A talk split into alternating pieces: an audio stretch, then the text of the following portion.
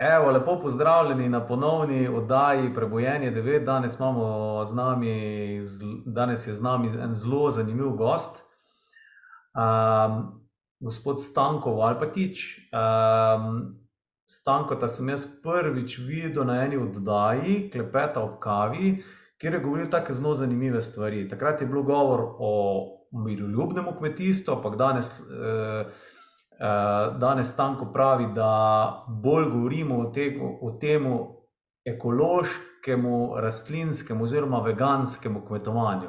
Stanko namreč zagovarja, eh, bi rekli, vegansko kmetovanje. To se pravi, da ne vključuje živali, da ne zapira živali, da ne izkorišča živali, ampak da eh, se ukvarja nekako samo z rastlinami. Ne? In tudi to stanko, ko sem jaz prvič slišal, miroljubno kmetijstvo, ok, takoj mi je kliknil. Se reko, ok, ta človek je pa že prebojen, pa že deluje na nekem drugem nivoju in mi je bilo to zanimivo. Ne? Zato, ker kmetijstvo, tako kot res vidim, pa spremljam, ne? tudi v enih Facebook skupinah, je taka, bi rekel, eh, trda, trda eh, sekcija ali pa trda, trda industrija, tako, tako ono tudi kar se tiče tega mesojedstva, pa tako se mi zdi zelo težko je premakniti, sploh kako mogoče malo bolj duhovno temo, živali čutijo, ne vem, ko delamo živalim škodo, delamo sebi škodo, take tematike. Tako, mogoče boš ti stanko malo drugače povedal, ampak tako, tako imam jaz občutek. Ne? Ampak ko sem rekel, je to pa en kmet, uh, podjetni kmet, ki ima nek drugačen pogled, sem rekel, da je to pa mene fulj zanimivo, bi rad res s tem gospodom vzpostavil en kontakt, en pogovor. Tako da uh, Uh, Stanko, dobrodošli med nami. Ja, lepo zdrav uh, tebi in vsem, kateri bodo nas poslušali. Tako, evo, upam, da bo ogromno teh.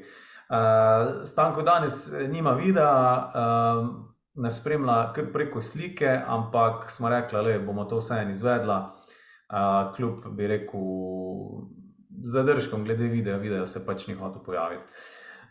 Stanko, ti si ekološko, rastlinski ali veganski kmetovalec. Pred 35 leti si se odločil raziskati in najti odgovore na mladostniška vprašanja, na katere nisi odgovil, odgo, dobil odgovorov doma, v šoli ali veruku. Od takrat naprej namerno ne ubijaš živali, ne ješ mesa in se trudiš čuvati življenje v vseh oblikah. To je nekako taka tvoja predstavitev. Um, zdaj pa mogoče še ti poveš, Stanko, kakšna je tvoja zgodba, kako si ti sploh do tega prišel, ok, zdaj pa no mi je do več živali, zdaj pa veš, čeprav to vsi delajo, pa je to čist nekaj normalnega, tudi jaz sem odraščal na kmetiji, tudi mi smo, vem, imeli pujse, pa skozi smo jedli meso, tudi jaz sem prišel pol do ene točke. Kak je bila tvoja zgodba, kak si ti mogoče prišel do, do, do tega, no? Ja, To je tudi zelo pomembno za vse naše eh, gledalce, poslušalce, oziroma v bistvu za celotno družbo. Torej, odraščal sem na kmetiji, kjer se je že živali redilo za zakol in tudi za prodajo. Torej, na nek način eh, to problematiko, katero bomo mi danes obdelovali, ni eh, teorija, ampak je vse praksa in to so vse moje izkušnje. Torej, že kot mlad fant, tam pri 14, eh, sem moral 15 sodelovati pri kolinah. E, to so še, to danes mladina ali pa že tam srednja generacija sploh ne ve, kako se je to dogajalo. To se je dogajalo doma, takrat um, v bistvu mesa ni moglo uh, se kupiti v trgovini, kot smo mi to danes navajeni. Glej, v trgovino pa si kupil meso. To, takrat, če tega ni bilo, meso se je dobilo le v mesnicah in če si si zaklal sam doma. In tako sem jaz moral sodelovati pri teh kolinah, pri repu. Sem pomagal držati eh, pri repu in zadnjo nogo eh, dol tiščati, da ni brcala in tako naprej. Sej, včasih me tudi brcnala, ampak ok. Nekako, ko si še ti tam pri 13-14 eh, in tisti osnovna šola eh, sprejmeš, eh, oziroma eh, veliko bolj srkaš tisto, kar ti nadrejeni ali pa doma rečejo. In jaz sem še takrat, eh, bistvu vse to ubogo uh, in vse delo. In uh, v bistvu do, takrat, pri 13, 14, uh, še ni bilo vprašanja, ali je vse to ok. Ali ni ok, čeprav sem videl eno veliko trpljenje tistih živali, katere smo klali. To sem videl, samo vsi so rekli, in v šoli, in na verovku, in pri Maši, in doma, da je to normalno, da nam je Eh, da, so, da je to nujno za naše zdravje, da nam je Bog dal živali za hrano, in nekako eh, pač to sprejmeš, da, da, da pač tako je. To, da pri 18-19 letih, se pravi, nekaj let kasneje, je oče rekel: veš, zdaj pa boš ti zapičil v srce eh, prašiču, zato ker si že dovolj star. Če misliš meso jesti naprej, potem se moraš naučiti tudi sam zaklad. In to je bil tisti en ključni dogodek. Jaz tega dejanja tisto jutro nisem mogel narediti. Jaz sem nož odložil in šel ven iz hleva in eh, pustil tiste koline, naj si sami naredijo. Enostavno, to je ena čist drugačna zgodba, kot če tam nekaj ti pomagaš pri repu držati kot pa za tem velikim nožem, bajonetom, celo posvečenim nožem, blagoslovljenim, smo pol bi morali v srce zapiči, to pa nisem mogel. Mm. In zgodilo se je to, da je oče bil, je ga to razjezlo. In, uh, zvečer je pred tistim, ko je to, to so še takrat bile navade, da so prišli sorodniki, sestrične, bratranci. In je predvsem rekel, okay, da danes sem bil revež, da nisem eh, imel moči, da bi prašiča ubil, a pogledajte ga, tukaj pa je meso naprej. In je oče tudi rekel, bo pa tak, če misliš. Uh, jesti meso, boš tudi klav. Če pa ne misliš klad, pa ti tudi želiti ni treba. In tako sem jaz prišel v eno veliko dilemo, uh, da uh, kaj bom naredil. Klad ne želim, nekako mi je to bilo uh, takšno eno kruto dejanje, kot ti križ plicne po rokah, pa po vse posod. Uh, in um, sem nekako rajši se odločil po parih mesecih, da pa ne bom jedel mesa. Čeprav sem bil aktiven športnik, vsi so me strašili, ne boš več mogel nogometa igrati in tako naprej. Babica pa je rekla, babica pa je videla mojo stisko, pa je rekla naslednje: Veš, kaj stanko? Jaz pa mislim, da ti lahko športnik naprej, zato ker je družba v mojem, ča, v mojem času, ko sem jaz bila eh, toliko stara, približno kot ti zdaj, bila bolj kot ne vegetarijanska, takrat pa mesa ni bilo in se meso jedlo samo za večje praznike, tu in tam ob nedeljah. In Ata in vsi moški, ki so delali težka fizična dela, naprimer košna, so to vse delali brez mesa. Mi smo jim prinesli potico, pogačo, ko so kosli in tako naprej. In to mi je dalo malo spodbudo, pogum. Babica mi je tudi še pomagala, kaj se je primerno letnemu času, kaj je prosejna kaša, kaj je ajdova kaša, kaj je jašpr in tako naprej. In jaz sem se pol odločil, že tam pri enih 20 letih, da ne bom ubil živali in tudi mesa več ne bom jedel. In eh, tako se je eh, nekako pri meni to začelo. In eh, vsa tista moja vprašanja, katera sem takrat imel, sem poskusil na njih najti odgovor. Torej, pred tistih letih sem se že eh, odpravil do vaškega župnika, dolga leta sem bil celo ministrant, sem si napisal pri mm, ena vprašanja na papir, med drugim je tudi to bilo, živali, mhm. ali je res to, uh, ali je res to vse tako, mora biti. Uh, namreč zasledil sem pa kmalo po tistem, ko sem nehal klad živali, v enem srpskem časopisu, treče oko, Jezus je bil vegetarijanec. Wow. In to je za mene bilo neverjetno. Nikjer nisi slišal tega, nobenem veru, kot pri meni, nobeni maši, nikjer. In jaz po parih mesecih, po tistem dogodku, ko nisem klav, doletim do tega. In za mene je to bilo strahovito odkritje, ki mi je dalo dodatno moč. In seveda sem tudi o tem želel mm, z vaškim župnikom malo spregovoriti. E, zdaj, e, da ti povem, vsa ta vprašanja bo trajalo predolgo. Um, morda, morda recimo izpostavim ja, to uh, okrog uh, živali. Jezus je bil vegetarijanec. Potem uh, moje vprašanja so bila uh, ta pekel, nebesa, uh, na verovku uh, in crkve oči. Vsi tisti, kateri niso krščeni, bodo šli v pekel, že samo zaradi tega enega dejanja. Moje vprašanje je bilo, kakšen je to Bog ljubezni, ki bo uh, dve tretjine človeštva vrgel v nekšni pekel, samo zaradi enega obreda, pač se niso rodili v tem krščanskem času, kaj pa bodo pol tisti v Aziji, v Indiji in tako naprej. Potem, morda še eno ključno vprašanje, uh, katero je bilo bistveno. Uh, iz Prežnice se je non-stop slišalo, oziroma še se sliši danes, blagor revežem.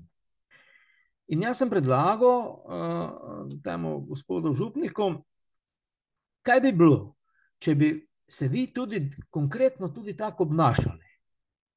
Namreč eh, znano je, da duhovniki eh, niso reveži, oziroma se ni nujno, da si revež, ampak eh, da pa imaš eh, več kot rabiš in to na račun sovaščanov, pa ni najboljše, nekateri pa v vas res niso imeli skoraj za kruh. In moj predlog bil, to so bili tisti časi 80. 80 leta, takrat je bil Golf 2 aktualen. In uh, župnik pa je tekmoval, da je imel vsako leto novega Audi, Audi 80, Audi 90, Audi 100. In je moj predlog bil, kaj če bi vi imeli recimo Golfa 2, uh, da imate za te poti, kjer rabite tisti višek do recimo Audi 90 ali pa 100, pa res razdelite tisti najbolj potrebni. In seveda, ko sem to rekel, pa tudi Jezus je bil vegetarijanec, je rekel, ne, to so laži, to si izmišljujejo, jaz sem te dobro na vero uko učil uh, in da ti ni treba nekaj brskati po enih božjih skrivnostih, Bog ima svoje skrivnosti, katere niso dostopne vsem nam. Sveda, meni to, kot mlademu človeku, je bilo mim, uh, uh, nekšni oče, stvarnik, pa Bog. Pa jaz, če se bom kdaj oče, otrok, ne želim imeti nobene skrivnosti pred njimi. Jaz bom se z njimi odkrito pogovoril o vsem. Pa tudi, če bo kjer kakšen napačen ali pa ki mi ne bo tako všeč, ne bom imel srca, da bi ga vrgel v nekšno luknjo, tudi če me on klical ven uh, v nekšni pekel ali nekam. Jaz bom mu dal roko, pa ga potegnil ven, pa nisem noben Bog, pa nobena ljubezen, pa nič. In ko se to tako, um, ko sem prišel do, do enega vprašanja, mi je pokazal vrata in rekel, da me nikoli več ne prideš sem. Jaz pa sem tega človeka na nek način imel zaupanje, če si bil, mislim, ministrant. Tako tak, da me je takrat nagnal in jaz sem doma tudi to povedal. E, mama, dan sem bil tam, pa tam, župnik, ko sem imel ena vprašanja. Jo, to je bila sramota za starše, velika. In, ampak jaz sem rekel, veš, kaj sem se odločil, mama, da pa tudi več k meši ne bom hodil. In bom tudi eh, zahteval uraden odstop iz, odstop, izstop iz te inštitucije, zato ker me je po, po tem, tam, ko me on nagnal, sem jaz eh, nekako dobil impuls, da bi jaz pa vseeno malo pregledal zgodovino te inštitucije, v kateri sem tak, že toliko let zraven. In uh, kje se govori eno, konkretno pa dela drugo. In ko sem jaz malo prebrskal, kaj so počeli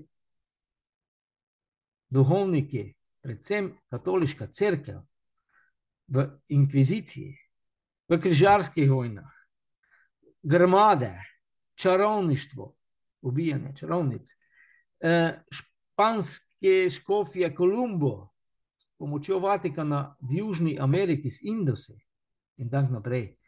Ko to malo prebereš, potem te zgrozi, da si član ene inštitucije, v kateri se vse to dogaja in kateri se dogaja danes. In tako se je zahteval uraden izstop. In to je tudi bil kar težek udarec, namreč eh, to sem dosegel, seveda ni enostavno, ker oni to ne radi dajo, ampak sem zagrozil z odvetnikom in da sem pripravljen takrat tudi dati tisoč mark, takrat so še marke bile in so me izpustili ven.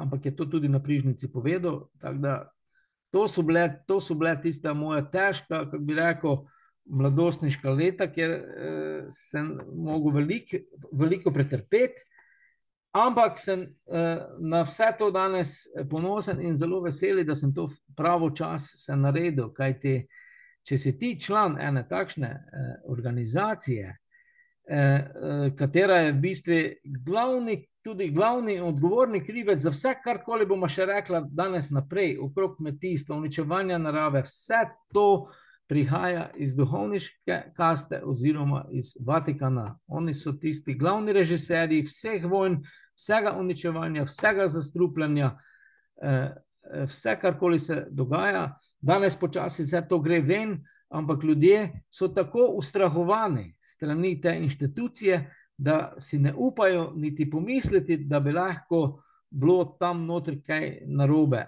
Ampak eh, živimo v času, ko se bo, ko se oni sami razkrinkali.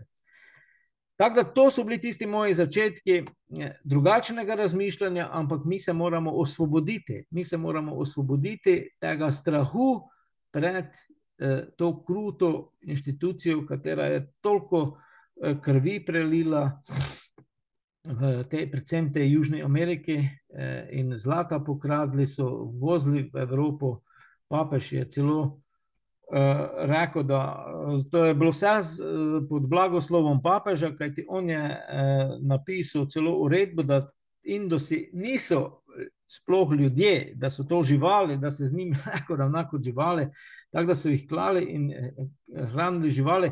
Vse to je dokumentirano, vse si to vsak, kateri bo. Želel lahko prebere, predvsem pa se to da videti tudi, ko bomo še morda kasneje rekli, na zdravi televiziji, Eh, Telekom številka 680, T2 na 215, Telesat Jesenice na številki 201. Vse se da na zdravi televiziji to uh, videti, kaj se to se je dogajalo v zgodovini in kaj se dogaja danes. Se pravi, to je bil moj razlog. Uh, ne ubijati, čuvati življenje in uh, uh, najti uh, izhod iz tega ustrahovanja s strani duhovniške inštitucije.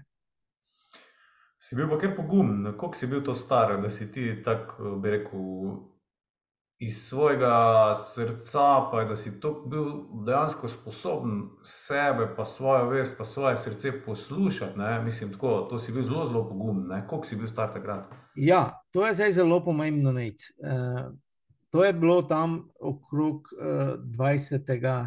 leta, tam se je ta vprašanja začela. In takrat sem tudi šel na ta pogovor. Ampak, kaj je zdaj tu pomembno? Jaz sem vesel tega vsega. In to, kar danes govorim, ni proti nobenemu človeku, ni proti nobenemu duhovniku, ampak uh, je samo moja izkušnja z, in moje videnje te inštitucije. Torej, jaz nisem proti uh, nobenemu katoliku, uh, človeku ali pa uh, tudi druge zunanje religije. Niso do, nekatere dosti kaj boljše, ampak ta ravno, v kateri sem jaz bil, pa je sigurno prelila največ krvi. O tem govorijo tudi mnogi zgodovinari, zelo, recimo Karl Heinz eh, Dešner, ki je celotno življenje posvetil eh, ravno raziskovanju katoliške cerkve, pravi. V zgodovini ni nobene bolj krute inštitucije, nikoli bilo, kot je, da bi prelila več krvi eh, eh, človeške in tudi živalske, kot je to ravno katoliška crkva. In eh, nekateri pač imamo, smo imeli malo srečo, ali pa kako bi s tem rekel, kako si sam rekel, pogum o tem sploh razmišljati, oziroma da ti še možgane niso tako oprali v šoli na verouku, da še je ostalo tisto, da se da razmišljati. Zato pa eh, jaz rečem, da je to zelo malo ljudi, kateri si sploh upajo o tem razmišljati, oziroma pogovarjati tudi danes.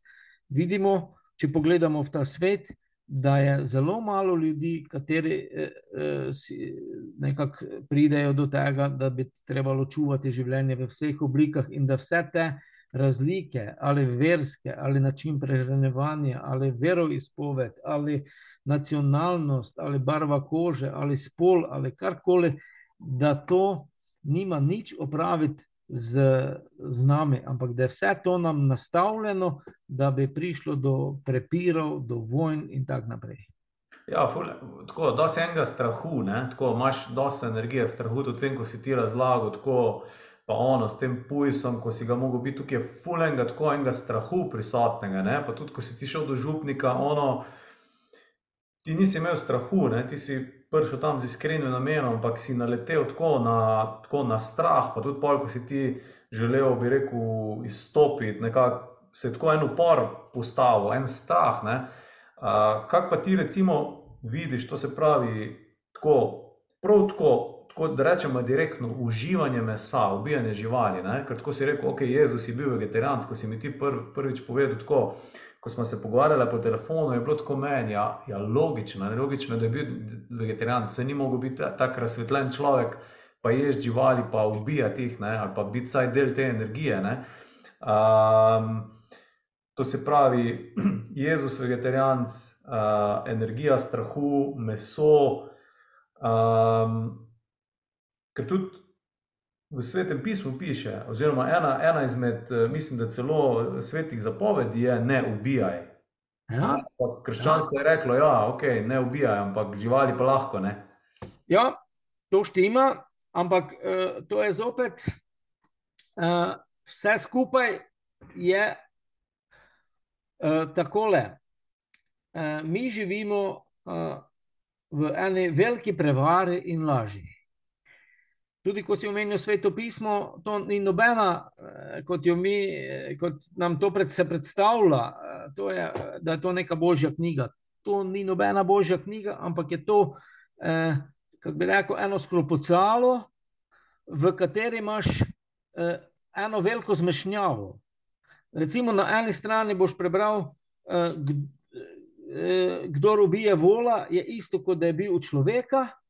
Že na naslednji strani pa boš lahko prebral, uh, da uh, Bog si želi žrtvovanje živali, da mu ta von ugaja, da si je celo zaželel, kdaj je žrtvovanje ljudi in tako naprej. To, in to vsak normalen človek, pa koliko toliko razmišljajoč, bo hitro videl, da tu, tu nekaj ne štima. To se pravi, Eh, Biblija, če rečemo, je nastala eh, nekje tam v letu 385, ko še bil na eh, čelu papež Dionis. On je dal nalog Hieronimu, da iz tistih obstoječih evangelijev naredi eno skupno knjigo in Vemo, kako je tudi rimsko-katoliška crkva nastala z Pavlom in z vsemi temi. To so vse bili rimski vojščaki. Torej, Hieronim je že takrat rekel, on je, on je dobo uh, or, uh, originalne evangelije in je videl eno veliko Jezusovo ljubezen do živali in da je ta človek živel en popolnoma drugačen odnos do živali in celotnega stvarstva. Se pravi, je bil čisti pacifist. Še danes se to da um, prebrati v ebionarskem evangeliju, v knjigi To je moja beseda. Alfa in omega, Jezusov evangelij, katerega svet ne pozna, oziroma ga po 30 letih poznajo mnogi kristijani po svetu. To se pravi, Hieronim je ugotovil že takrat, da eh, je Jezusov odnos do živali in do prehrane bil popolnoma drugačen, da je rekel, živali so vaši sobližni in niso nikoli in nikdar vam bili dani za hrano. To se pravi, človeštvo, iz tega, eh, če gremo iz tega duhovnega vidika, nikoli ni imelo pravice ubijati svojih sobližnjih za prehrano. Seveda, to pravico smo si mi eh, pač vzeli in jo uzakonili. Eh, šolstvo je reklo in zdravstvo, da je to nujno zaradi zdravja nekšnega, crkve je še dale šla naprej, da je celo to božja volja, da to tako eh, mora biti, in eh, potem pač eh, pride do tega, ker je crkva bila v recimo, srednjem veku fundamentalno na oblasti, oni so imeli prve šole eh, in njihova ideologija, je eh, vedno bila eh, uničevanje in ljudi. In živali, in rastlinskega sveta, celotne narave, eh, je tako prišla tudi v šolski program katerega še imamo tudi danes. In kot si omenil, eh, ko gre za ubijanje ali pa že samo vožnja v klavnico, je prisoten en velik strah, in vse to ljudi pojemo. In eh, to so tudi eh, potem naše bolezni, to, potem tudi na, to je potem tudi naše trpljenje, In uh, o tem nišče, žal, nišče ne govori. Mnogi, kateri pa bi lahko o tem povedali, pa se morda zaradi položaja, zaradi kakšnih služb ali česa, tudi uh, ne želijo izpostaviti. Zdaj pa mogoče bi še jaz delil svojo zgodbo s tabo, pa z vsemi, kar se tiče mojega. Uh, to se pravi, kar se tiče mojega vegetarijanstva. Ne? Jaz sem vegetarijanc 8 let, jaz sem isto kot ti odraščal v družini, kjer se je klal pujsa, isto sem ga držal za rep, kot si ti rekel. Sicer nikoli nisem prišel do te točke, da bi ga mogel samo biti.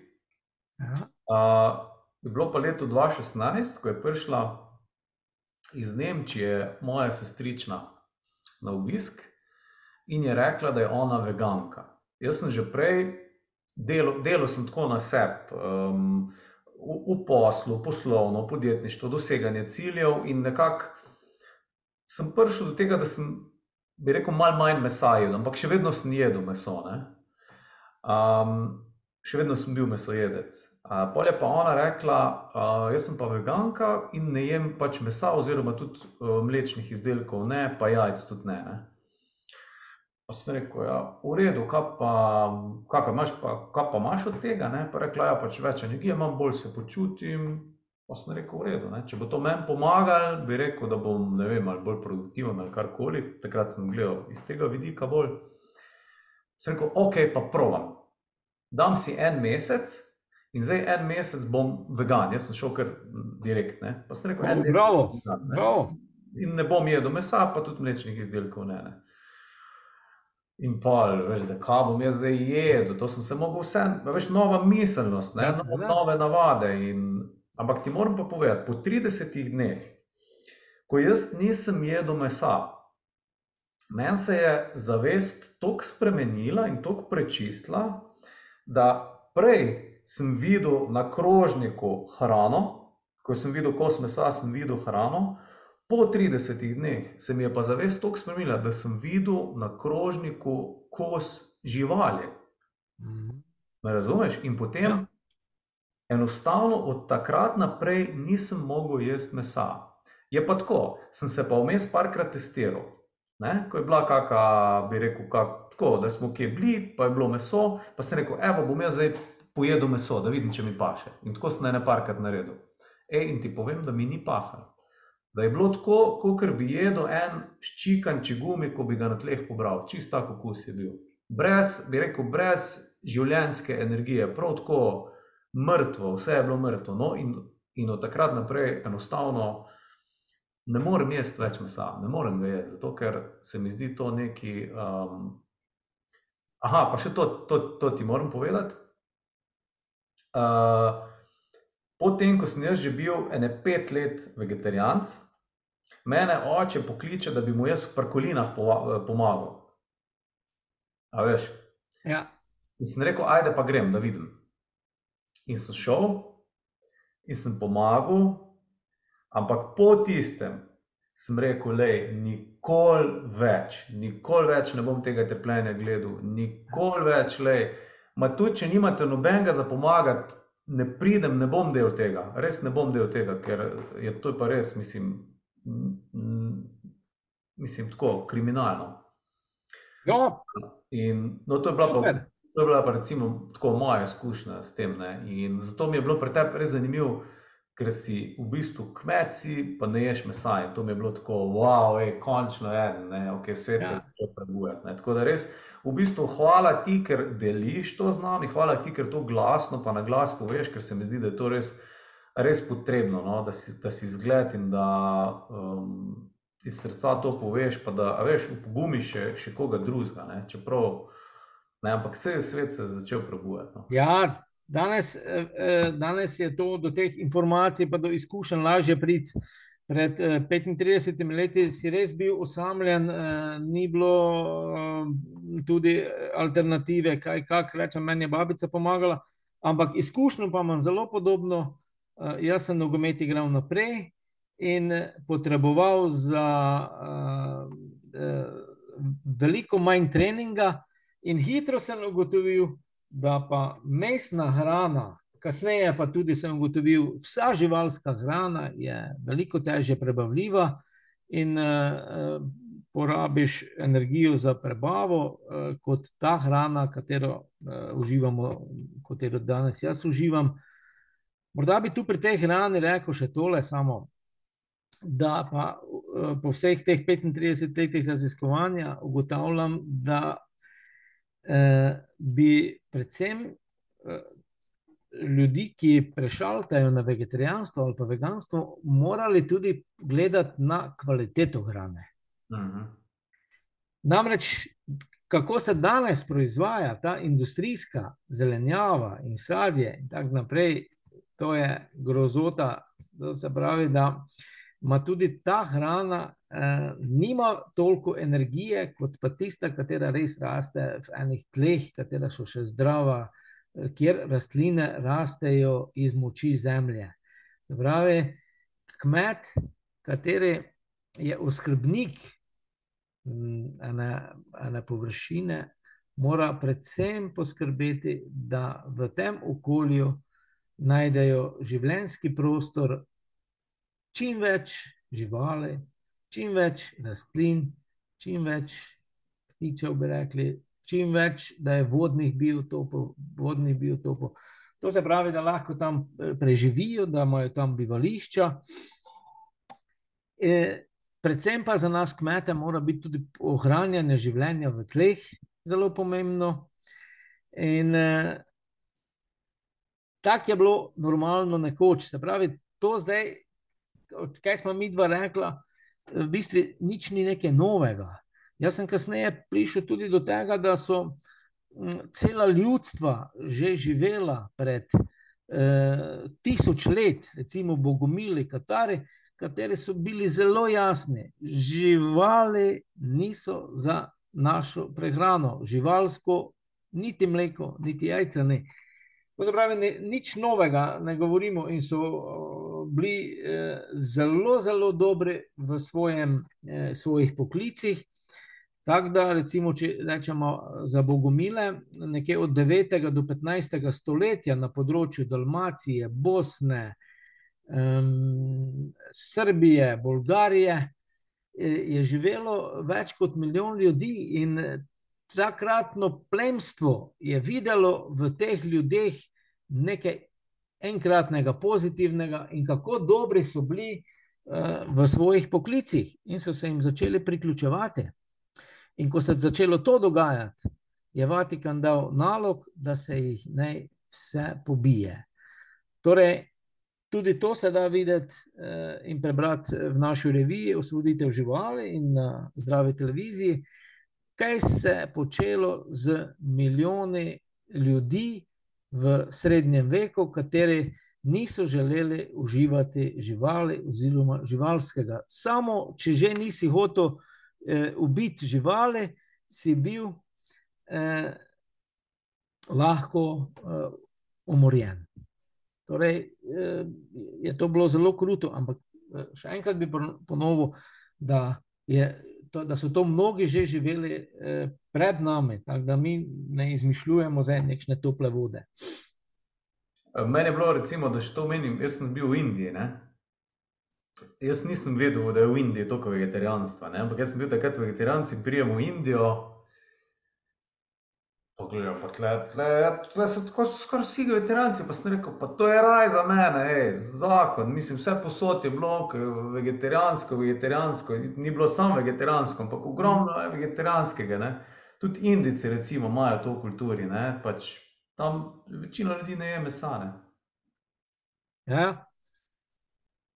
Kar se pa tiče eh, do, še kmetijstva, ne, veliko vprašanj je o tem, kako zaščititi rastline. Živali delajo škodo. Ono, recimo, lovci so tukaj zelo, zelo pomembni, nujno potrebni, kateri delajo ravnovesje v naravi, kateri pol rešujejo kmete, da bo tisti medved ne bo vse pojedel, pa, pa trije volki, štirje, da ne bodo cele Slovenije zdaj poklali in tako naprej. To so vse ene velike manipulacije in laži v javnosti. Torej, eh, je takole, če ne bi bilo lova, bi se s časoma v naravi spostavilo eno iz, izredno dobro stanje, kjer bi se živali znale same uravnavati in počasi več ne bi delale škodo. Lovci dobro vedo, več živali, nekaterih ubijajo, eh, bolj eh, se one borijo za obstoj vrste, in eh, na mesto, da bi recimo medvedka imela enega mladiča, jih ima morda dva ali pa več, in tako naprej, tudi pri srnah je tako, in pri divjih prašičih je tako, in ovci to dobro vejo. To se pravi, ta vojna v naravi, tudi proti prosto živečim živalim je, je ukrutna, skoraj zelo taka kot živinoreje, ampak živinoreja, ta množična, je verjetno številka ena. Tukaj bi rad zdaj dodal takole. Danes mladi ljudje, ki se združujejo v veganskih društvih in veganskih inicijativah, eh, morda pozabijo na eno pomembno zadevo. Eh, v, v ospredje, predvsem preveč se v ospredje daje znanost. Razvoj znanosti je šel v popolnoma napačno smer, v smer našega samouničenja.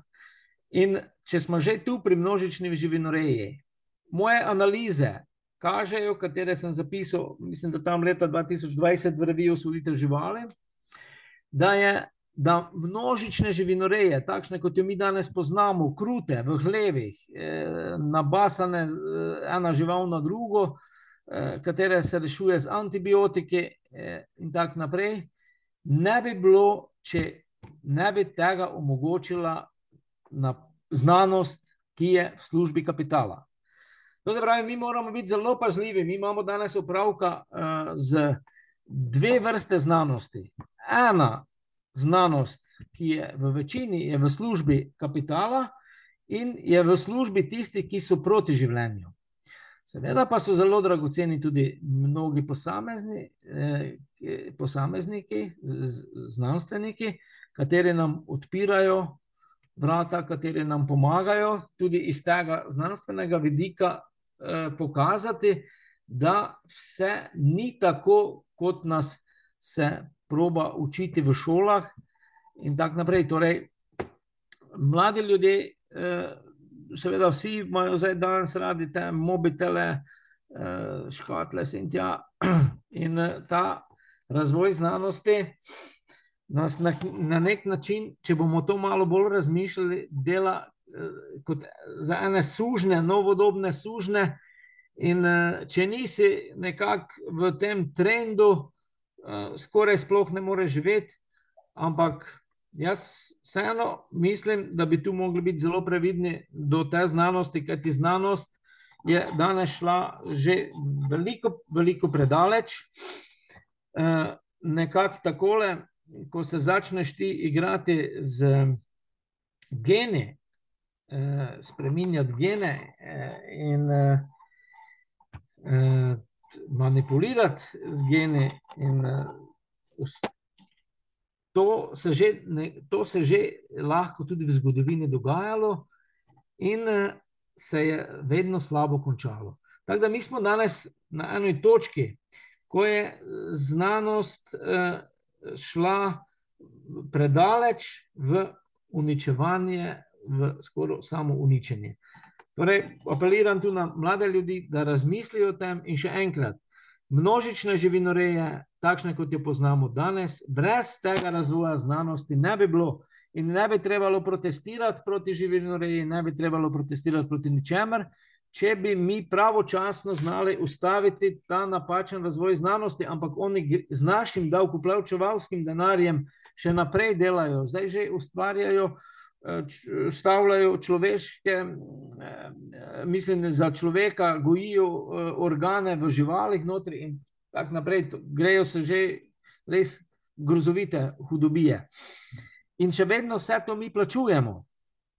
Isto kot plačujemo v kmetijstvu, kmete, kateri bi rekli, ali, ali nimajo več vesti, ali duše, ali, so, ali ne morejo več razmišljati, da jim je ta profit, dobiček, eh, veliko bolj pomemben kot obstoj in možnost življenja za svoje otroke in naslednje generacije.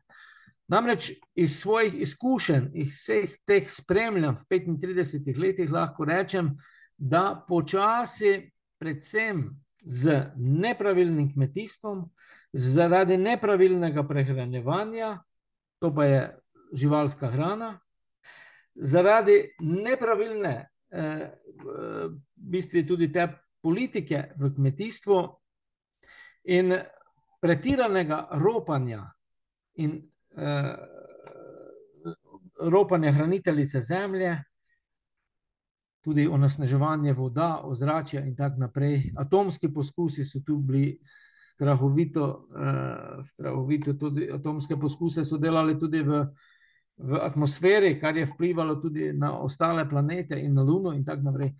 To se pravi, znanost nam počasi onemogoča to življenje, že nam samim, kaj šele naslednjim generacijam. Vsi pa imamo, morda, ali pa vsaj nekateri imamo otroke ali vnuke že in bi jim želeli eno takšno mladost, kot smo imeli mi. Recimo, ko sem bil deset let star, smo uh, na paši uh, igrali se otroci nogomet.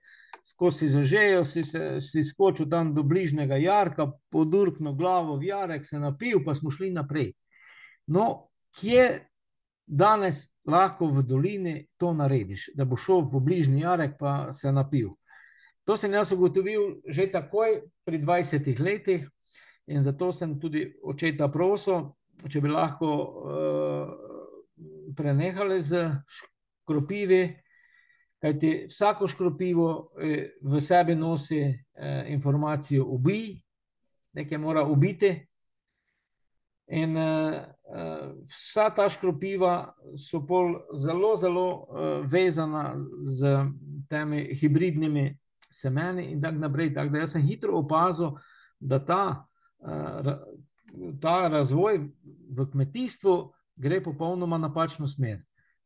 Zato sem že tam, po, takoj po 20 letu, se preselil na babičino kmetijo, ki mi je dovolila, da sem začel to po svoje.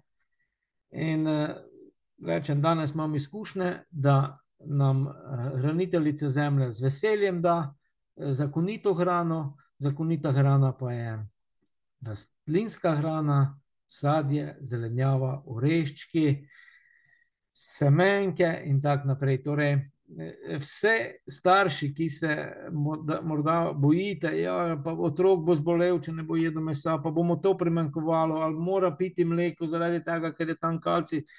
Še enkrat, vse so to velike laži in prevare. Človeško telo eh, dobi vse dovolj, kako sem prej rekel, če jemo eh, neke vrst zelenjave, sadja in oreškov, sončnic, eh, semenk. Torej, v mesu, mleku in jajcih nič ni takega, česar človeško telo ne bi dobilo iz kvalitetne rastlinske hrane. Evo, to se pravi, dragi starši, ne se prestrašiti, če bo prišel otrok ali pa vnuk iz šole, pa bo rekel: Jaz pa več ne bi želel jesti živali, zato ker je trpljenje eh, v klavnicah ali pa v teh štalah preveliko. Sem videl video in tako naprej, pa se starši zbojijo, da bo otrok zbolel. Poglejmo v ta svet, Eh, eh, koliko vsi jejo meso, mleko in jajca, vsi se hranijo iz teh velikih trgovinskih centrov, eh, pa bolnice pa polne. To se pravi, da nekaj je narobe tukaj. Nekaj je fejs narobe. Ja. Ja, jaz pa, mene pa, nas pa, recimo, vegetarijanci ali pa vegane strašijo, ne boste mogli delati, ne boste mogli jesti. Če pogledamo v prosti stanku, kot je prekinen, če pogledamo Novaka Džokoviča, Novak ja. Djokovic, Lewis Hamilton, naj, naj, najbolj uspešen, eh, ne vem, če je najbolj uspešen eh, teniški igralec v zgodovini, Novak Djokovic, najbolj uspešen dirkač Formule 1 v zgodovini, eh, Formule 1, oba sta vegana. Pa to so strašni napori, ki jih dajo ti športniki čez. Ne? Že to ti nekaj pove. Tako. Ima, torej, ogromno enih športnikov je, um, kot si sam navedel, Eh, kateri tudi dokazujejo, da se v športu da. Eh, ne na zadnje, pa mi, nekateri kmetje, tudi dokazujemo, da se da fizično delati in da ne rabimo eh, zdravnikov, morda že 20 let, nobenkrat ni bil. In to je fajn, da ljudi to slišijo, da bodo veliko bolj zdravi, če bodo pojedli manj mesa, manj mleka, manj jajc ali pa nič. In da bodo dali malo povdarek, eh, pogledali, kako katera kmetija eh, prideluje oziroma predeluje. Ne? Pri nas imamo tudi pridelavo in predelavo. Vege dobro eh, eh, je proizvodna na naši kmetiji. Tako da to je zdaj zelo pomembno, da eh, smo vedno bolj, kako bi rekel, eh, razmišljamo, pa eh, probamo eh, že zdaj podpreti kmetije, katere se trudijo v tej smeri. Sej ni nujno, da takoj zdaj narediš eh, preskok. Jaz sem tudi uh, že večkrat rekel, tudi v javnosti, če smo vsa ta leta uh, kmetom, uh, kako bi rekel, preko uh, subvencij. To ni do, noben državni denar, Glede, državnega denarja ni, vse je to naš denar, davkoplačevalski. Uh, In vsaka subvencija, ali je povratna ali ne povratna, ali kakšna koli, je vedno davkoplačevalski denar. To se pravi, če smo kmetom kupili te velike traktore, če smo jim kupili vse te velike stroje, pomagali zgraditi štale, in nekako eh, se je preko tudi teh eh, kmetijskih pospeševalnih služb zavedlo eh, vse to, kmetje imajo svoj delež, zakaj so se pustili zavest? E, jaz se nisem. E, sem pa vseeno zato, da se jim vse skupaj to ne zame skozi noč, kar se pa lahko zgodi. Tisti, kjer je, e, kako mi rečemo, elite. Elita pomeni sužen. In te elite mi gledimo, kot da so neke wow, ampak oni so vseeno uh, odgovorni, pa imajo še nekoga drugega za sabo nasprotnika življenja in uh, on je njihov šef. E, to se pravi, sem vseeno za to, da se jim na nek način pomaga in da se jim da eno prehodno obdobje in en čas, da se lahko prestrukturirajo. Torej, sem bolj za to, da, se, da ne pride od danes do jutri ampak da se kmetom pomaga, da se lahko usmerijo, da na mesto, da gre eh, recimo v štalo, lahko gre v rastlinjak, eh, da se jih počasi nauči. Zato, ker je veliko boljše vse narediti po mirni poti, kot pa po nestrpni poti, oziroma v nemiru, sovraštvu. Jaz sem prepričan, da tudi to stanje, zdaj, kaj, kaj imamo v Ukrajini, eh, nič ni dobrega. Ne? In tu tudi, dosti krat slišim, celo od veganov, ja, dajmo, pošiljemo, naj se pošle orožje. Eh, Ukrajinci si zaslužijo, da se osvobodijo teh Rusov in tako naprej. Tukaj bom vam tudi povedal, gre za eno prevaro, manipulacijo in laž. Za vsem tem stoji Zahod in Amerika. Torej, to, kar nam kažejo po televizijah, pa po uh, poročilih, radijskih, in tako naprej, to ne drži, podobno kot nič, nič držalo v času korone.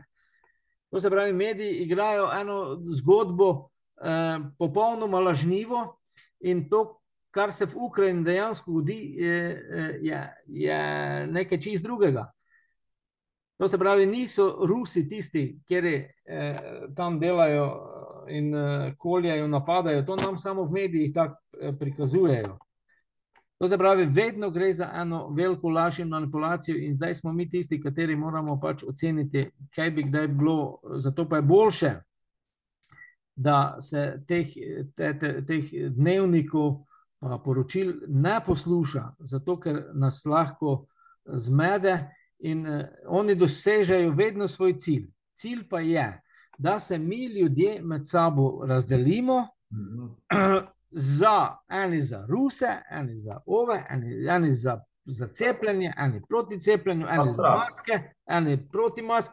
In tako oddajamo energijo v vseh teh pogovorih, debatah oziroma prepirih eh, na sprotni strani. Kajti danes imamo eh, tudi en veliki problem, da primankuje energije.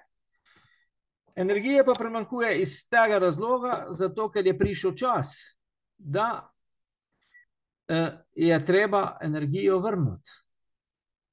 Pravi, posojeno energijo, katero smo kot duše, duhovna bitja dobili, jo bo zdaj trebalo vrniti. In je velika borba za energijo. Pravi, za nas ljudi je najboljše, da nismo za nobeno stran, če so dve strani v vojni, obe, vedno imajo obe strani en delež. Ena ima lahko malo več, druga malo manj. Ampak zelo je pomembno, da uh, se ne delimo, predvsem pa, ko gre za, za vojne, ker ti z orožjem še se nikoli ni dosegel uh, trajen mir in se tudi nikoli ne bo. Orožje bi, po, uh, bi morali že prenehati izdelovati po pred 50 leti. Uh, To se pravi, so prišla tudi eh, za mene, ko te stvari danes poznam, še bom rekel tole. Eh, resnica je vedno prihajala na zemljo po pravih božjih prerokih, v tem času prihaja po preroški besedi po Gabriele. In prošnja je pred 40-50 leti že bila tudi v Vatikanu in eh, politiki po svetu, da se preneha izdelovati orožje, da se preneha eh, uživati eh, in klad živali, da se preneha ropati eh, in čevati zemljo.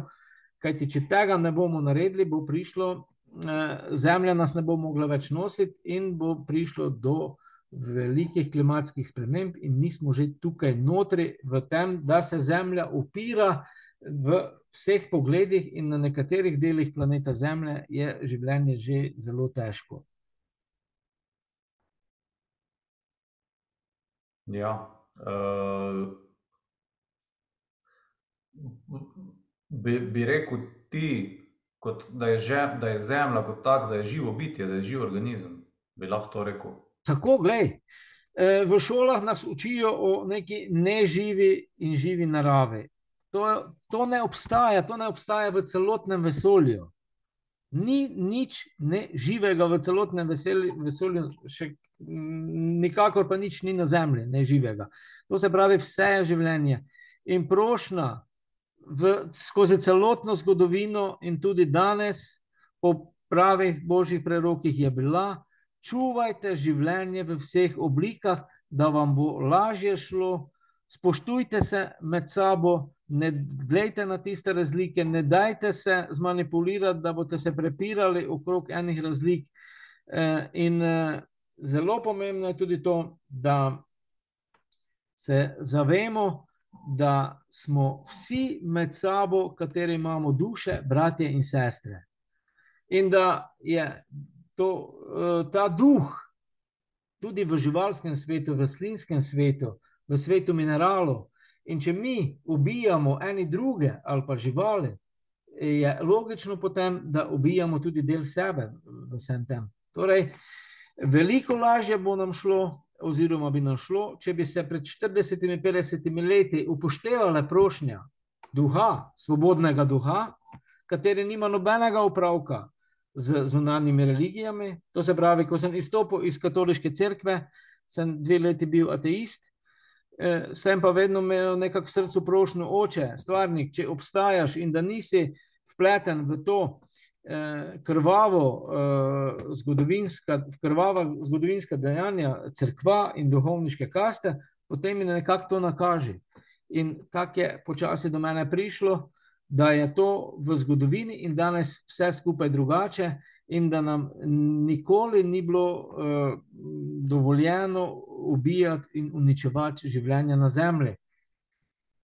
In to je zdaj, to je zdaj morda tista glavna glavna prošnja bila tudi v tem današnjem času, po preroški besedi, da se vse to ustavi in da bo nam veliko lažje šlo. Ampak zgodilo se je ravno nasprotno. To je zelo pomembno za naš čas. O tem bi morala govoriti eh, vsi mediji. Eh, o tem bi se že po 50 letih otroci morali učiti v šolah, kjerkoli, da, eh, da počasi začnemo tako živeti v vsakdanjem življenju. Zgodilo pa se to, da je Vatikan s pomočjo države naredil vse, da niti ena beseda uh, ni prišla, to, kar so oni dobili, pisma, v Vatikan ni prišlo naprej. Ampak so celo začeli zopet, kot vedno v zgodovini, z napadi, gre za uh, neko sekto, ki je lahko nevarna, izogibajte se tej babi in uh, tem sektašem.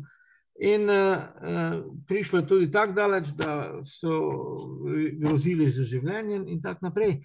Pravi, minulo je 50 let preroške besede uh, v tem času, v današnjem, današnjem času, in bolj kot ne človeštvo, kaj dosti o tem uh, ne ve.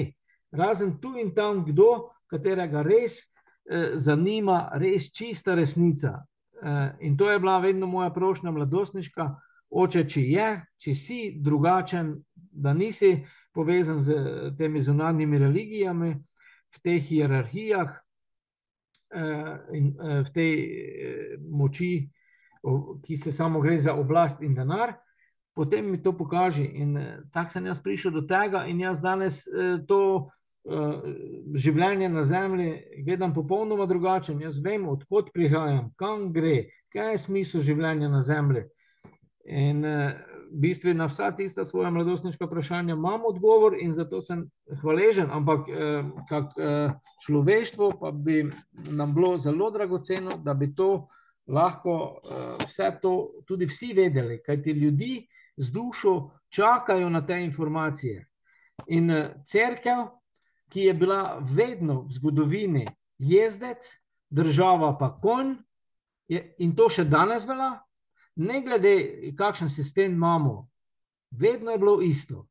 Cerkev je jezdec, država pa konj, in skupaj z dvemi meči izvajata vedno eno igro, ki je kruta do ljudi, živali in narave. In to še danes se dogaja, ampak danes malo bolj prefinjeno, kot je to bilo celo v srednjem veku, ko so te prišli, če si bil malo drugačen, so te kar lahko zažgali, ubili in ni, ni še odgovarjal, ker je crkva bila fundamentalno na oblasti. Danes je malo drugače, ampak eh, bolj prefinjeno se vse to dogaja še danes.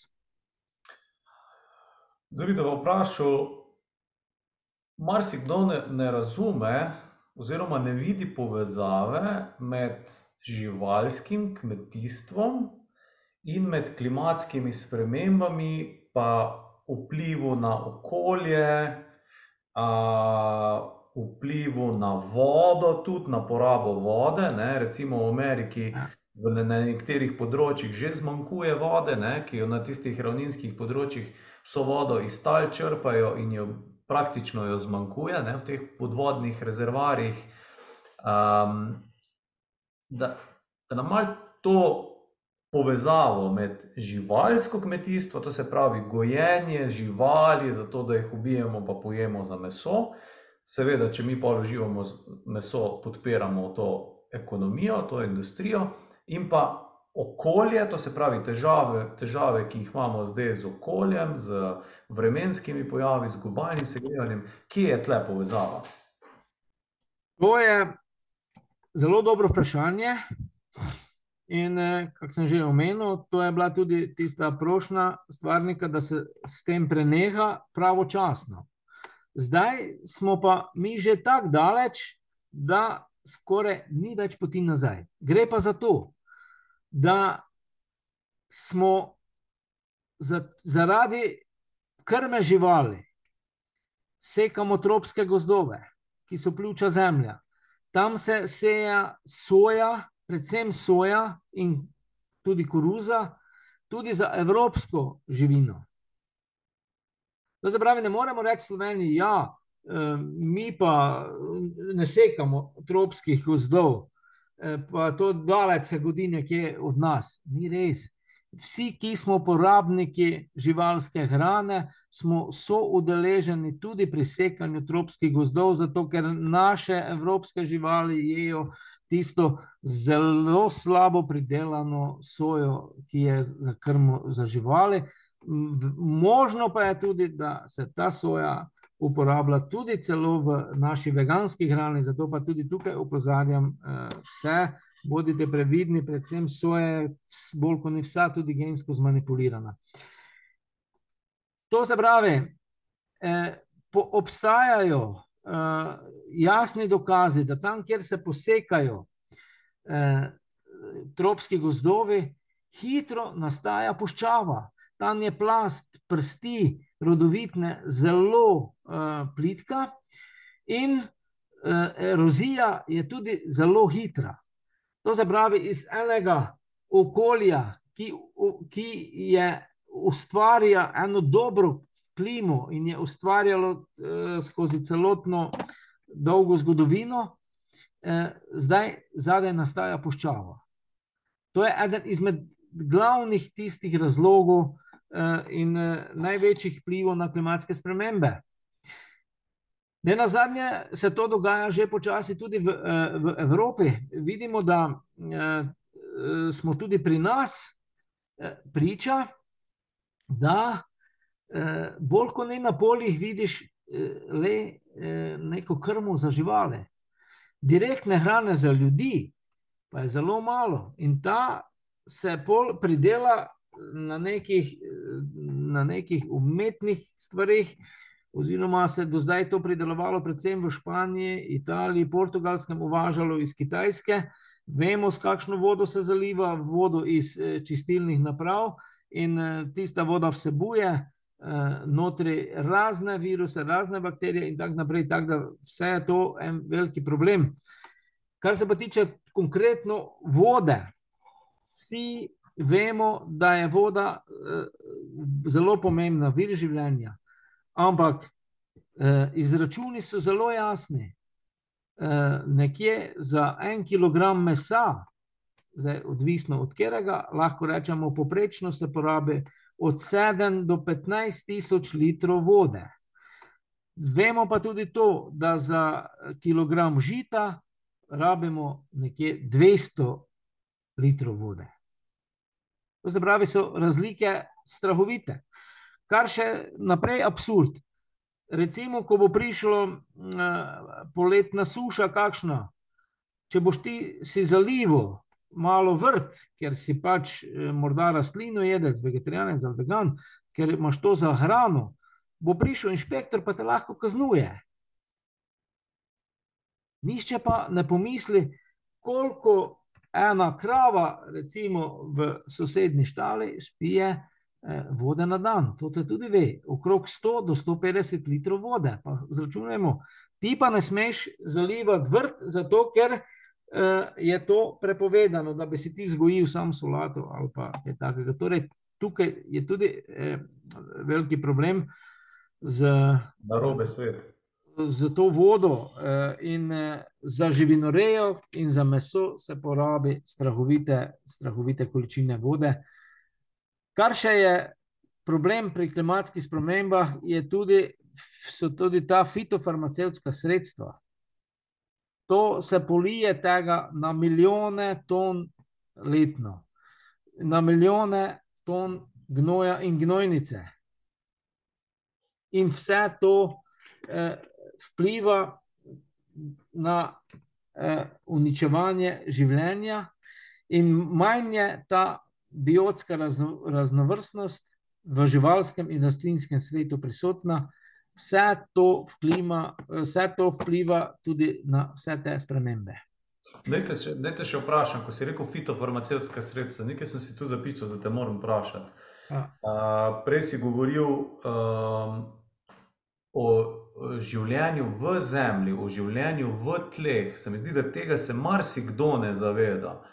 Um, ne? Uh, mogoče, če bi lahko o tem še kaj povedal, kako je življenje v tleh pomembno. Ja, mi smo na spletni strani Društva za osvoboditev živali. Si, vsi lahko pogledate en film, tla, na katerih živimo. In tam dobite eh, veliko širše, kot bom zdaj jaz eh, tole povedal. Gre namreč za to, da eh, če damo eno pest zemlje, ki je še koliko toliko živa, pod mikroskop, vidimo na milijone enih bitij, katere so zelo dragocene, da sploh lahko nekaj zraste, za rast rastlin. To se pravi, od, od gobic do, eh, do deževnikov, do, do teh malih mikroorganizmov, tega je na milijone notri, in eh, v tem filmu je to vse dobro razloženo. In to bi moralo, to bi moralo biti nam dragoceno z fitofarmacevtskimi sredstvi in temi velikimi stroji, velikimi traktori, eh, kmetje, kateri so šli v šole, kjer se uči napačno o kmetijstvu in o čuvanju življenja, sploh ne pazijo, grejo z par tonskimi traktori, tudi po, po takoj po dežju, po blatu, takrat se, ta, eh, se to stisne prst in se to življenje počasi vedno bolj uničuje. Seveda pa vsa škropiva, vsa umetna gnojivla, tudi ta gnojnica uh, uničuje vse to življenje v tleh, in zemlja postaja vedno bolj uh, nerodovitna, postaja kot ena plata, uh, katera, na kateri še samo rastejo rastline iz dodatkov. To se pravi, čist konkretno. Na naših nivah uh, ne polivamo že več kot 35 let nobene gnojnice in nobenega grama fitofarmacevtskih sredstev ali umetnih gnojil, in zemlja rodi zelo dobro. Na poljih, kjer se pa uh, dela po uh, programu šolskega kmetijstva, uh, pa zemlja postaja vedno bolj nerodovitna. Torej, brez polivanja gnojnice ali umetnih gnojil ali škropljenja, rastline ne rastejo več.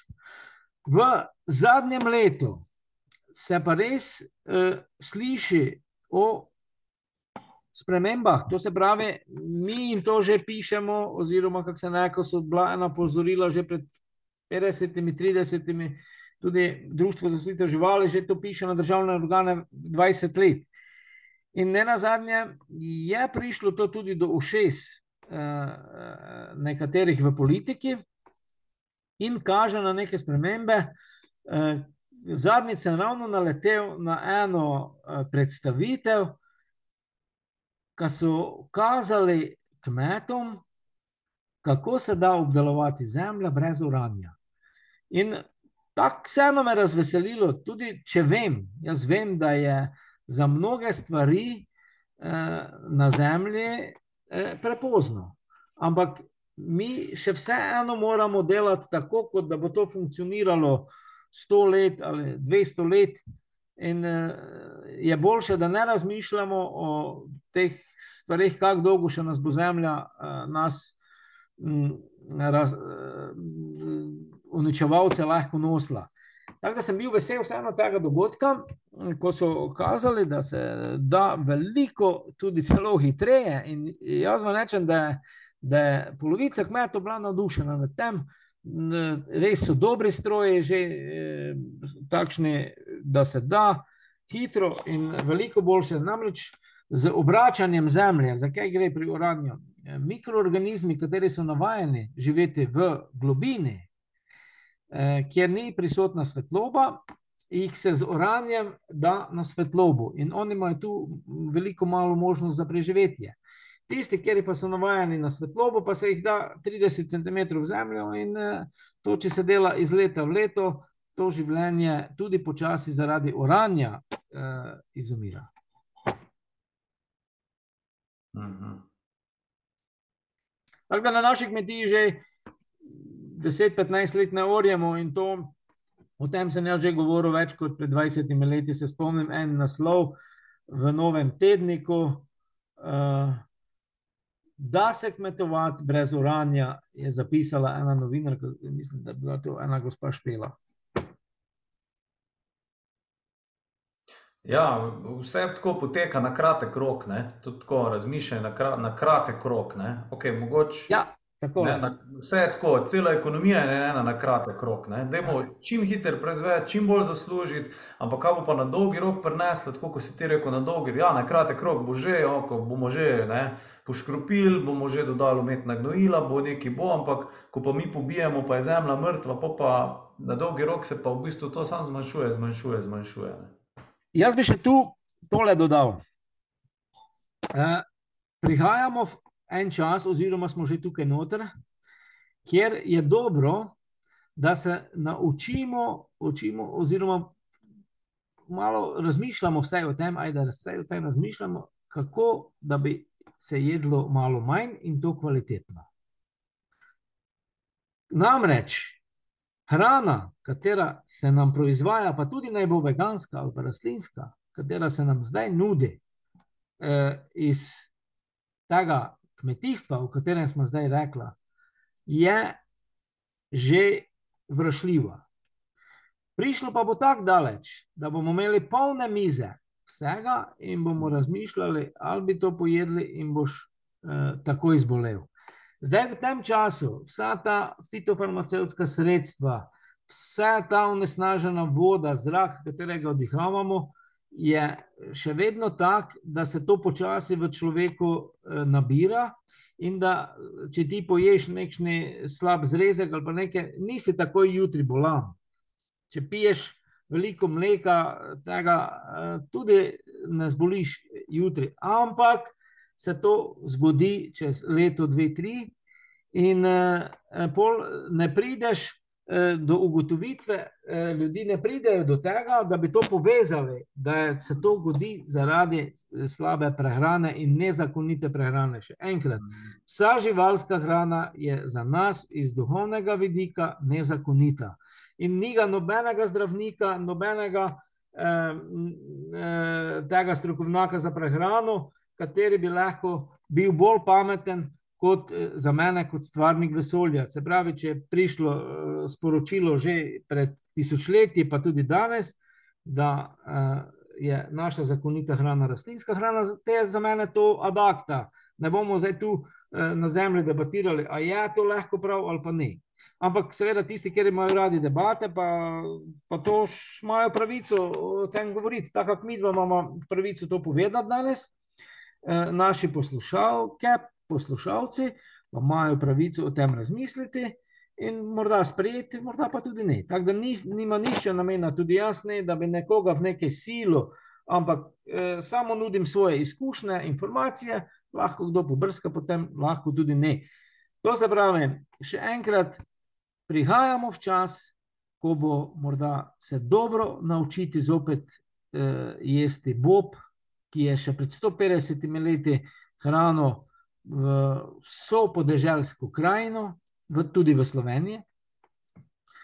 E, kajti nisem siguren, da bodo vso to, kar imamo zdaj na videzno obilje rastlinske hrane in predvsem pa te živalske hrane, da bo to funkcioniralo še dolgo. To se pravi, tudi zaradi sprememb v klimi, se vidimo, enkrat imaš preveč dežja, potem imaš premalo dežja, potem imaš 30 stopinj, potem imaš do 50 stopinj in tako naprej. In to vidim, da tudi nekatere rastlinine zelo težko prenašajo te spremembe.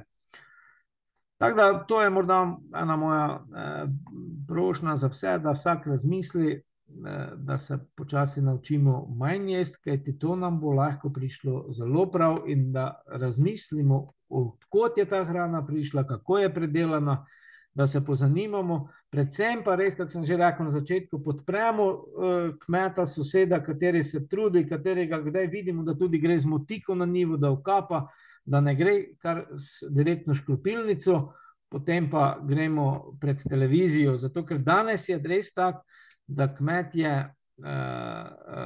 imajo vse te pripomočke in ja, tudi veliko več časa kot nekoč. Mi, kateri delamo še veliko ročno, pa je to ena druga zgodba, samo kvaliteta takšne pridelane in predelane hrane pa je nepredstavljiva. Zdaj pa mogoče za konec, da dava eno vizijo, Stanko, vizijo prihodnosti.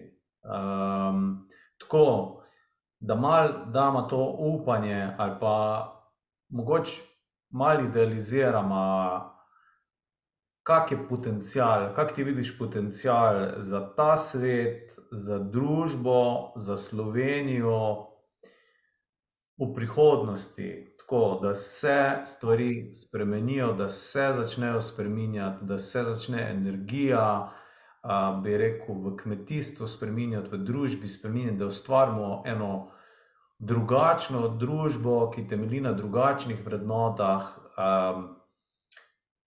kako, kak svet misliš, da lahko ustvarimo, bi rekel, če se nam stvari poklopijo? Ja, to je zdaj takole, možnosti so bile pred petdesetimi leti, da do teh raznih večjih, recimo potresov, poplav, neurij in viharjev, da bi se temu dalo v veliki meri izogniti, ampak je tisto, kar sem prej rekel, bi trebalo zagrabiti v roke, zasukati rokave in danes v tem času, po tridesetih, petdesetih letih, ne bi izdelovali orožja, ne bi več imeli živinoreje, ne bi več se prehranjevali z živalskim, ne bi več ropali pretirano brez veze hraniteljico zemljo in tako naprej, vendar to se ni zgodilo. Kako pa zdaj naprej? To se pravi, te, te spremembe, katere bodo prišle, bodo nas doletele nekako vse, ampak vesoljski zakon pravi takole: zakon vesolja je zakon vzroka in učinka. Torej, kar seješ, to žješ. Oziroma kar si posejal, boš tudi žel. Kot država, kot družba, kot vas, kot mesto in kot inštitucija, kot društvo ali pa kot sam posameznik. To se pravi, imamo tukaj, kako bi rekli, eno skupinsko karmo, katero, katera nas bo doletela vse, se pravi, če smo podpirali kakršnokoli ropanje, onesnaževanje, ubijanje, recimo tudi to je problem, lahko vključimo tukaj notri, vlada je kar dala orožje oziroma denar za Ukrajino, brez da bi vprašala ljudi, se pravi, to je en takšen primer, kako smo zdaj tukaj notri vsi nekako vključeni, da tam se preliva kri z našim, z našo energijo. In to se pravi, lahko prenesemo tudi na prehrano, to se, kdo še vedno podpira živinorejo oziroma reče: "Jaz pa brez mesa ne morem biti," bo pač žel to skupinsko žetev. Zato je dobro, da mi o teh stvareh razmišljamo in probamo čimprej se od marsičesa takega distancirati. Vemo pa tudi to, kar je razveseljivo, to vemo po preroški besedi za današnji čas, da ta sistem, ki je krut, pravi, morda bi tu rekel, že osnovna šola, obvezna, je kruta.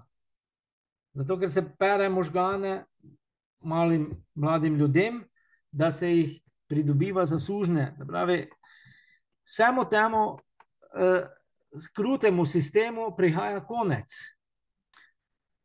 Zemlja se upira, ampak obenem že nastaja tudi nova zemlja, z novimi ljudmi, z eno tudi drugačno podobo. In tega se jaz zelo veselim, to mi daje, kako bi rekel, eno upanje, energijo, kako si sam rekel, eno veselje, nastaja nova zemlja, novo človeštvo, eh, novo dobro kmetijstvo, kjer ne bo več nobene živinoreje, nobenega ubijanja, nobenega nasilja. In eh, z ljudmi, kateri so tudi v srcih vse to kako bi rekel, obdelali, predelali, in, in je nasilje, eh, sovražnost, pogled, nevošljivost, prepiri, to jim je postalo tuje in tega ne poznajo. Se pravi, takšno življenje je nas učil in za vzor kazal že Jezus iz Nazareta. Žal so nam duhovniška kasta in eh, vsi ti njihovi pomočniki vse to prikrili. In, ampak vedno znova vemo o tem, in tudi danes, po preloški besedi, vemo tudi to, da tudi če bo uh, ta sistem propadel, se nimamo kaj žalovati za njim. Ko smo mi rekli, uh, kaj se vse dogajalo, kaj se vse še danes dogaja v tem sistemu, mm, ni nekaj hudo. In če pa imamo vizijo, da pa bo nastalo, da bo na zemlji nastal mir, a ni nekaj to najlepšega. O enem kraljestvu miru na zemlji je bilo govora tudi že pred skoraj 3800 let. In o tem govori celo crkev.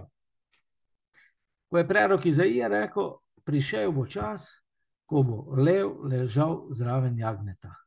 Hmm ko se bo deček igral s kačami. To je tako, tudi mnogim našim v družbi bodo zdaj šle vse gor, ko jaz o tem govorim, zato ker uh, je za mnoge ljudi to, kako bi rekel, ena norost. Jaz pa trdno verjamem v to, da je nekoč na zemlji že bilo tako in da to tudi zdaj počasi prehaja. Ampak kdo bo si zaslužil, da bo na novi zemlji živel? To pa je zdaj stvar naše odločitve. O tem pa odloča vsak posameznik. Ampak eno življenje, takšno, kot te nišče ne bo teroriziral, ko, boš, ko te nišče ne bo silo v eh, nekšna slaba dejanja, kot nas zdaj sili, recimo šolski sistem, nas uči in sili nas v to kot nas silijo na verouku. In vse to, vsega tega več ne bo, ne bo več nobene zunanje religije, ampak bo eh, eno, en nov narod, kateri ne bo potreboval nobenih političnih vodij, nobenih duhovnih vodij, ampak bodo znali živeti miroljubno med sabo, spoštljivo in bodo znali dati svoj prispevek skupni blaginji in vzeti le toliko, koliko potrebujejo. Lepo povedano. To se pravi, če še morda to rečemo. Ni ga orožja, tudi atomske bombe, ni, da bi lahko mi uničili hraniteljico Zemljo mi lahko le uničimo sami sebe, eh, kot planeta, ki je življenje v duhu stvarnika, tega človek ne more uničiti, ga, ga ni orožja in ga tudi nikoli ne bo. lahko pa z svojimi neumnostmi in razvojem znanosti spravimo eh, pod vprašaj eh, našo trenutno eksistenco. To pa lahko naredimo in to, to, to pospešeno delamo na vseh področjih. Mi smo zdaj kar veliko področji tu obdelali, kjer pospešeno delamo v tem smislu, da eh, si onemogočamo življenje na Zemlji. Ampak, kako rečem, ne moremo pa uničiti planeta Zemlje. To ne bomo. In na tem planetu Zemlji. Eh, spremembe, kje bodo prišle, pa kdaj bodo prišle, to morda niti ni tako bistveno za nas, da bi se ukvarjali z letnicami. Ne na zadnje eh, je še vedno tako, da vsako dobro dejanje eh, zopet eh, ima svojo energijo. In tudi v celotnem vesolju se stvari bolj spremenijo, torej ni nobene zabetonirane letnice, kdaj bo se nekaj zgodilo. Je pa res, če pogledamo v ta svet, da, uh, da nekaj ni vredno, da zemlja trpi, da živali, živalske vrste odhajajo, da rastlinske vrste odhajajo. In uh, to je za vsakega, ki je malo spremlja in razmišlja, en dovolj veliko upozorilo, da začne iskati še naprej. In mi moramo biti vedno iskalci. In jaz sem rekel, si kot mladostnik takole. Oče, če si, stvarnik, če si, Bog, če si, ali duh, kako kdorkoli temu reče, sploh ni pomembno. Ali reče življenska energija, kakoli. Eh, je samo pomembno to, da eh, ja, kaj sem zdaj mislil reči. Boš lahko to zrezal? Ne vem, če bomo kaj rezali, ker pustimo tako, kot je. Um, skratka, um, imamo moč za spremembo, informacije so na voljo. Uh, mi dva smo danes podali neke informacije, mi dva imamo namen ozaveščati. Uh, smo ozaveščamo, ti ozaveščaš, jaz ozaveščam prek svojega dela. Skratka, informacije so na voljo. Kdor želi narediti spremembo, kdo želi drugačen pogled, kdo želi se osvoboditi iz okov, bi rekli, tega suženstva uh, in zaživeti neko novo življenje, kjer je manj strahu, pa več ljubezni, uh, bi rekel, pa več povezovanja, pa bolj odprto srce, uh, ima to možnost, da naredi. Tako da možnosti vedno so, vedno imamo na voljo možnosti, da nekaj naredimo, da nekaj spremenimo. Ja, in kako smo rekli, pač vsak človek ima svobodno voljo. In uh, vsak lahko verjame v to ali nekaj drugega, vsak lahko, ampak svobodna volja uh, nosi za sabo tudi odgovornost. Tako. Ok, stanko. Uh, Stanko Valpatič, uh, najlepša hvala za pogovor. Hvala, da si bil z nami, hvala, da si nam kot veganski kmetovalec, ekološki veganski kmetovalec, predstavil stvari na en drugačen način, na, na način, kot ga ti vidiš, ki je, verjamem, da marsikomu od vas, ki nas gledate, odprl oči. Tako da jaz se ti še enkrat zahvaljujem, da si bil uh, moj gost. In, um, Da, in hvala ti, da so ustvarjaš en nov, en drugačen, miroljuben uh, svet z sočutjem do živali. Ja, hvala tudi tebi za povabilo.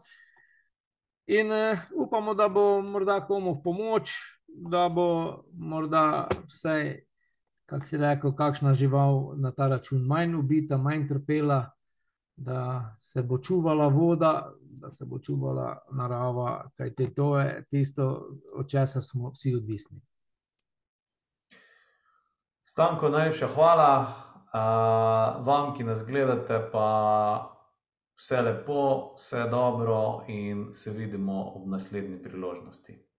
Srečno, čau. Srečno.